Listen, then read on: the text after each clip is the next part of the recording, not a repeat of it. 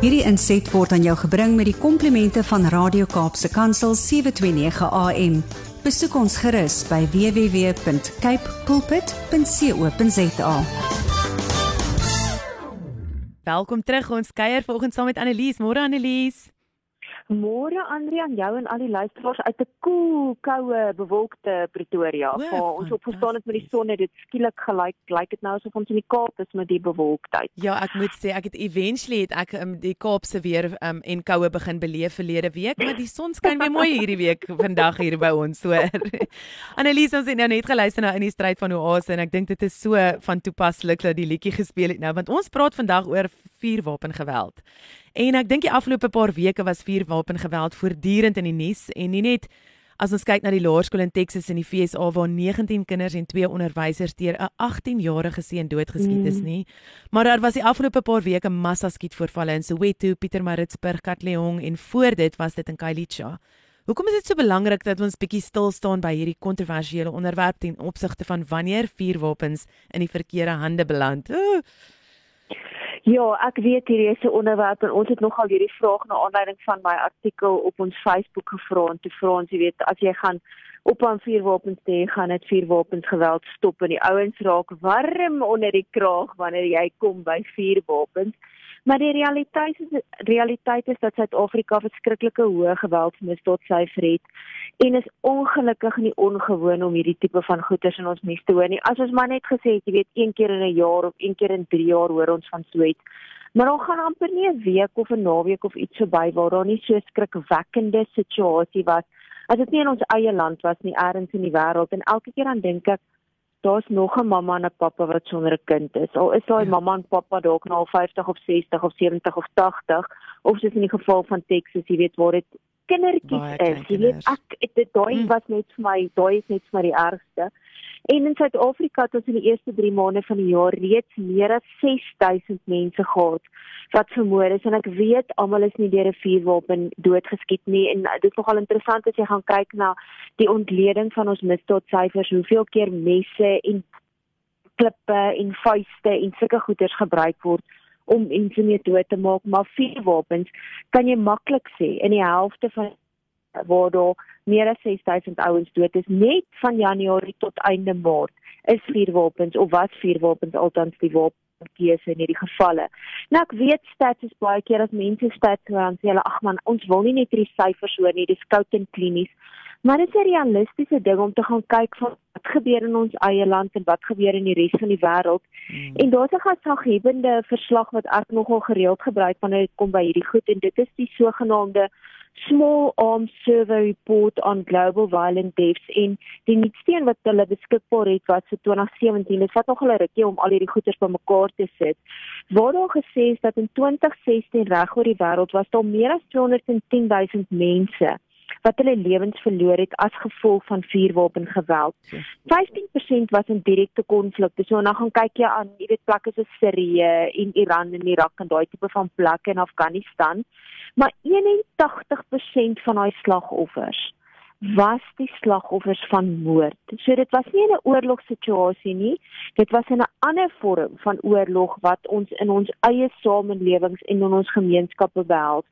En dan word vuurwapens is hulle ook gebruik in minstens die helfte van alle dodelike geweldsgevalle in lande soos Togo, Benin, Mauritanië, Senegal, maar ook in lande waar jy dit nie noodwendig assosieer met vuurwapengeweld nie. Dis 'n land soos Thailand, jy weet jy dink altyd daai ouens is redelik rustig. Kan Albanië weet ons is daar baie gebende geweld en daar's 'n klomp georganiseerde misdaad wat daar plaasvind. En ongelukkig Amerika weet ons ook na al met die massa skietgevalle is dit glad nie ongewoon nie. Mm. En in lande waar daar hoë misdaadsyfers is, is minstens die helfte van alle moorde gepleeg met vuurwapens ten opsigte van teenoor 12% van lande waar daar geweld baie minder is. En ek weet die ouens wat daar kon onthou rukkie terug waar daai eertydse premier van Japan geskiet is in in daai ou wat wat 'n tuisgemaakte vuurwapen gebruik het. Daar is vuurwapengeweld absoluut raar. Ek dink verlede jaar was daar iets soos 12 gevalle ja. waar daar vier wapens net gebruik is wat nie eens almal noodwendig moord gewees nie. Maar dan is daar twee aspekte wat ouens nie altyd in ag neem wanneer dit kom by vuurwapen geweld is nie. En dit is natuurlik dat ons kinders se reg tot onderrig ontneem word omdat hulle in sekere areas eenvoudig te bang is om skool toe te gaan vir alles daar bende geweld is. En in ander areas word mense se reg tot toegang tot gesondheidsorg ingeperk omdat hulle eenvoudig bang is dat hulle geskiet gaan word na kliniek of hospitaal toe. En die ander realiteit is dat paramedisy in sekere areas begin bang raak om diens te lewer en op ons eie Kaapse vlakte weet was daar al 'n paar keer gevalle waar die paramedisy geteken is um en die slagoffers was van vuurwapengeweld. So ja, dit gaan nie net oor bendes en gewone kriminele nie. Dis die ander fasette van vuurwapengeweld wat dit so 'n belangrike onderwerp maak om oor te praat. Ja, en Annelies, ek dink ons het aan die begin van die gesprek verwys na massa skietgevalle soos in Texas en daai plekke en wat dit begin regtig algemeen raak. Wat beteken hierdie konsep en hoekom raak dit so algemeen? Dit is nogal kommerwekkend dit is nogal jy weet en en ja die ouens wat dink nie noodwendig kan dink aan 'n massa skiet voorval nie as jy sien en of daai plek aan sy dan hulle praat van another mass shooting occurred hmm. somewhere in America so en sê dit is Engelse term ja. en dit verwys na 'n insident waar 'n minimum van 4 persone geskiet is het sy gewond of gedood en dit sluit gewoonlik die skieter self uit wat dan of selfdood pleeg baie keer dan draai hulle maar die wapen na hulle self toe of jy weet in die proses wanneer die owerhede reageer dan word hulle deur daai of dan word daai persoon deur die owerhede doodgeskiet. Ja, en ek weet baie ouens dink aan Amerika skiet en voorvalle, maar as ons terugdink nou die laaste 2 maande, dink bietjie aan Soweto en Pietermaritzburg wat in die laaste paar weke gebeur het hmm. en in Khayelitsha. Jy weet, dan raak massa skiet voorvalle iets wat nader kom aan ons eie gemeenskappe en in Khayelitsha alleen was daar tussen September 2020 en Junie 2022 minstens 9 sulke massa skiet voorvalle waarin minstens 47 mense dood is. Onnodige geweld waarin 47 mense hulle lewens verloor het. En nou kan die luisteraars net reg vra, maar waar kry hierdie ouens hulle vuurwapens in die hande? Jy weet, is dit sommer maar net 'n kwessie van hulle het net eenvoudig toegang Nou verlede week was daar hoeka in die nuus hier in Gauteng was dit nogal groot nuus waar twee mans gearresteer is waar waar hulle wapens net eenvoudig verkoop het asof dit 'n brood of 'n jy weet ek weet nie wat is nie 'n boek is. Jy weet ag wil jy 'n vuurwapen hê? Kom koop hom by my. Ek verkoop hom vir jou vir 1000 of 5000 of 10000 of wat die geval ook al is ja. afhangende van wat die vuurwapen natuurlik is. Jy weet as dit 'n AK47 is is dit baie duurder as 'n handwapen. En nou kan die luisteraars ook sê maar is dit regtig so 'n probleem hoeveel vuurwapens is in sirkulasie in die wêreld? En weer eens sê hierdie small arms survey vir ons dat daar meer as 1 biljoen vuurwapens in sirkulasie was in 2017 waarvan 85% in gewone mense soos jy en ek se hande is. 13% daarvan was in die hande van weermagte en 2% in die hande van ons wetstoepassers en ons polisie. Ja. En in Suid-Afrika was die situasie dat al meer as 5 miljoen vuurwapens in die hande van privaat mense was waarvan ongeveer 3 miljoen geregistreer is wat beteken dat jy gaan uitwerk wat daar vir elke 100 mense was daar 9.65 vuurwapens gewees wat nogal vir my skrikwekkend is. Ja. Maar as jy dink dis erg in Amerika was al teen 2017 ongeveer 393 miljoen vuurwapens in sirkulasie waarvan net meer as 'n miljoen geregistreer was en dit gee vir jou 'n gemiddeld van 120 vuurwapens in burgerlike besit vir elke 100 mense. Hoe erg is dit nie? Jesus Annelies, ek weet nie as ek nou ek sit nou hier met my kalkulator en as ek nou my somme reg gemaak het, beteken dit dat daar meer as 2 miljoen ongelisensieerde vuurwapens in ons eie land is. Is dit moontlik? Ek dink dit bring my by die volgende vraag, naamlik wat is die oorsprong van hierdie vuurwapens En um, is dit slegs kriminele wat onwettige vuurwapens gebruik? Ja, dis 'n goeie vraag, jy weet. En nou moet jy ook dink dat baie keer gebruik kriminele gelisensieerde gelisensieerde vuurwapens of dit was in 'n stadium gelisensieer en toe word dit gesteel natuurlik vanaf 'n wettige eienaar of jy weet op 'n manier is dit gekoop. In partykeer is dit selfs van staatsarsenale afgekry, soos wat ons weer daai korrupte polisieman kolonel Prinsloo in 'n stadium voorgevang en gefonnis is waar hy van die wapens wat vernietig moes geword het uit polisiearsenale uit het hy verkoop aan die bendes en dis een van die redes van van hoekom daar soveel uh, vuurwapens op die bende of op die vlakte onder andere in tussen bendes is. En dan lees ons ook natuurlik dat hierdie ouens dit in die hande kry by huisrowe, plaasaanvalle gereeld dan hoor ons Dis die hoofrede hoekom ouens inbreek veral op plase om geld in die hande te kry, om vuurwapens in die hande te kry, omdat hulle weet boere baie keer van hierdie vuurwapens het op die plase vir selfverdediging, vir jag ensovoorts. Maar die realiteit is dat die meerderheid gesteelde vuurwapens waarskynlik eers gelisensieerde vuurwapens was voordat hulle hulle pad na die kriminele wêreld gekry het, laat my nogal dink aan ons eie mense. Jy weet jy was eers eintlik nog 'n gehoorsame burger en toe word jy 'n krimineel. Jy word nie as 'n krimineel gebore nie. En dieselfde gebeur met 'n vuurwapen. So, wat is 'n vuurwapen se lewensiklus as jy dit basies so kan sê? Hy begin elke soos elke goeie dingetjie wat vervaardig word in 'n in 'n fabriek, heel wettig. Dan sodra hy vervaardig is, dan gaan hy na 'n wettige op een of ander manier word hy wettig verhandel, het sy aan 'n regering, 'n wetstoepassingsagentskap of 'n vuurwapenhandelaar. Die oomblik as hy by 'n vuurwapenhandelaar uitkom, dan word hy gewoonlik wettig verkoop aan 'n ou wat 'n lisensie het as ons na ons eie land vat. Dan verander daai wettige vuurwapen se status as dit verlore raak, verkoop word, gesteel word of sommer aan 'n ander ou gegee word en indien 'n vuurwapen dan in die hande van kriminele land sal dit gewoonlik dikwels vir hande eh, hande verruil eers nadat uh, dit in 'n wettige transaksie verkoop is. So onthou nou, hy word wettig gebore, wettig verkoop en dan in die proses word hy onwettig verhandel. Hmm. En die algemene leeftyd van 'n vuurwapen kan wissel vanaf 'n paar jaar waar dit waarskynlik deur verskillende ouens gebruik word, wettig of onwettig totdat dit uiteindelik onwettig deel word van die arsenaal van wapens wat deur kriminele gebruik word. So ja, hy het 'n wettige oorsprong en dan ongelukkig in die proses dan kan hy onwettig word of hy kan die hele tyd in 'n wettige eienaar se hande bly wat gelisensieer is en wat alles volgens die boek doen.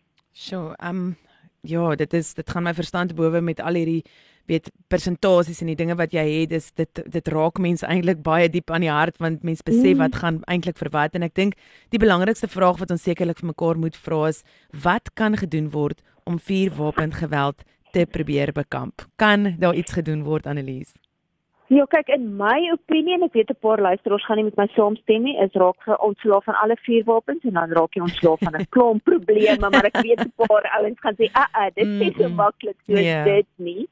Maar ja, daar's belangrike goeders wat ons wel probeer doen in ons land en dit is onder andere soos wetgewing. Ek weet die wet, die ouens gaan nou vir my sê ag as dit net so maklik was, want kriminele steur hulle eenvoudig nie aan wetgewing nie. Maar tog bied die Wet op Vuurwapenbeheer 60 van 2000 wat in Julie 2004 al in werking gekom het, tog vir ons riglyne oor hoe ons vuurwapens kan beheer en besit ensovoorts. En ek weet daar's nou baie kontroversiële wysigings wat voorgestel word en ek dink dit gaan dalk nog sy pad in die konstitusionele hof vind met die reg tot selfverdediging wat ontneem wil word in die wysigings. So vir die ouens wat belangstel daarin, maak maar seker dat jy daai wysigingswet in die hande kry en dalk nog kommentaar lewer as daar weer ter sprake kom. Maar een van die belangrikste goed wat in hierdie vuurwapenwet genoem word, is ouderdomsbeperkings. En dit is 'n bitterlike belangrike ding juis in ons eie land en ek wens die res van die wêreld wil ook maar net bietjie meer aandag daaroor gee. In ons eie land is die algemene ouderdomsbeperking wanneer iemand eers 'n vuurwapenlisensie voor kan aansoek doen 21 jaar. Daar's natuurlik uitsonderings soos met sport en um jag ensovoorts ensovoorts, maar oor die algemeen 21 jaar.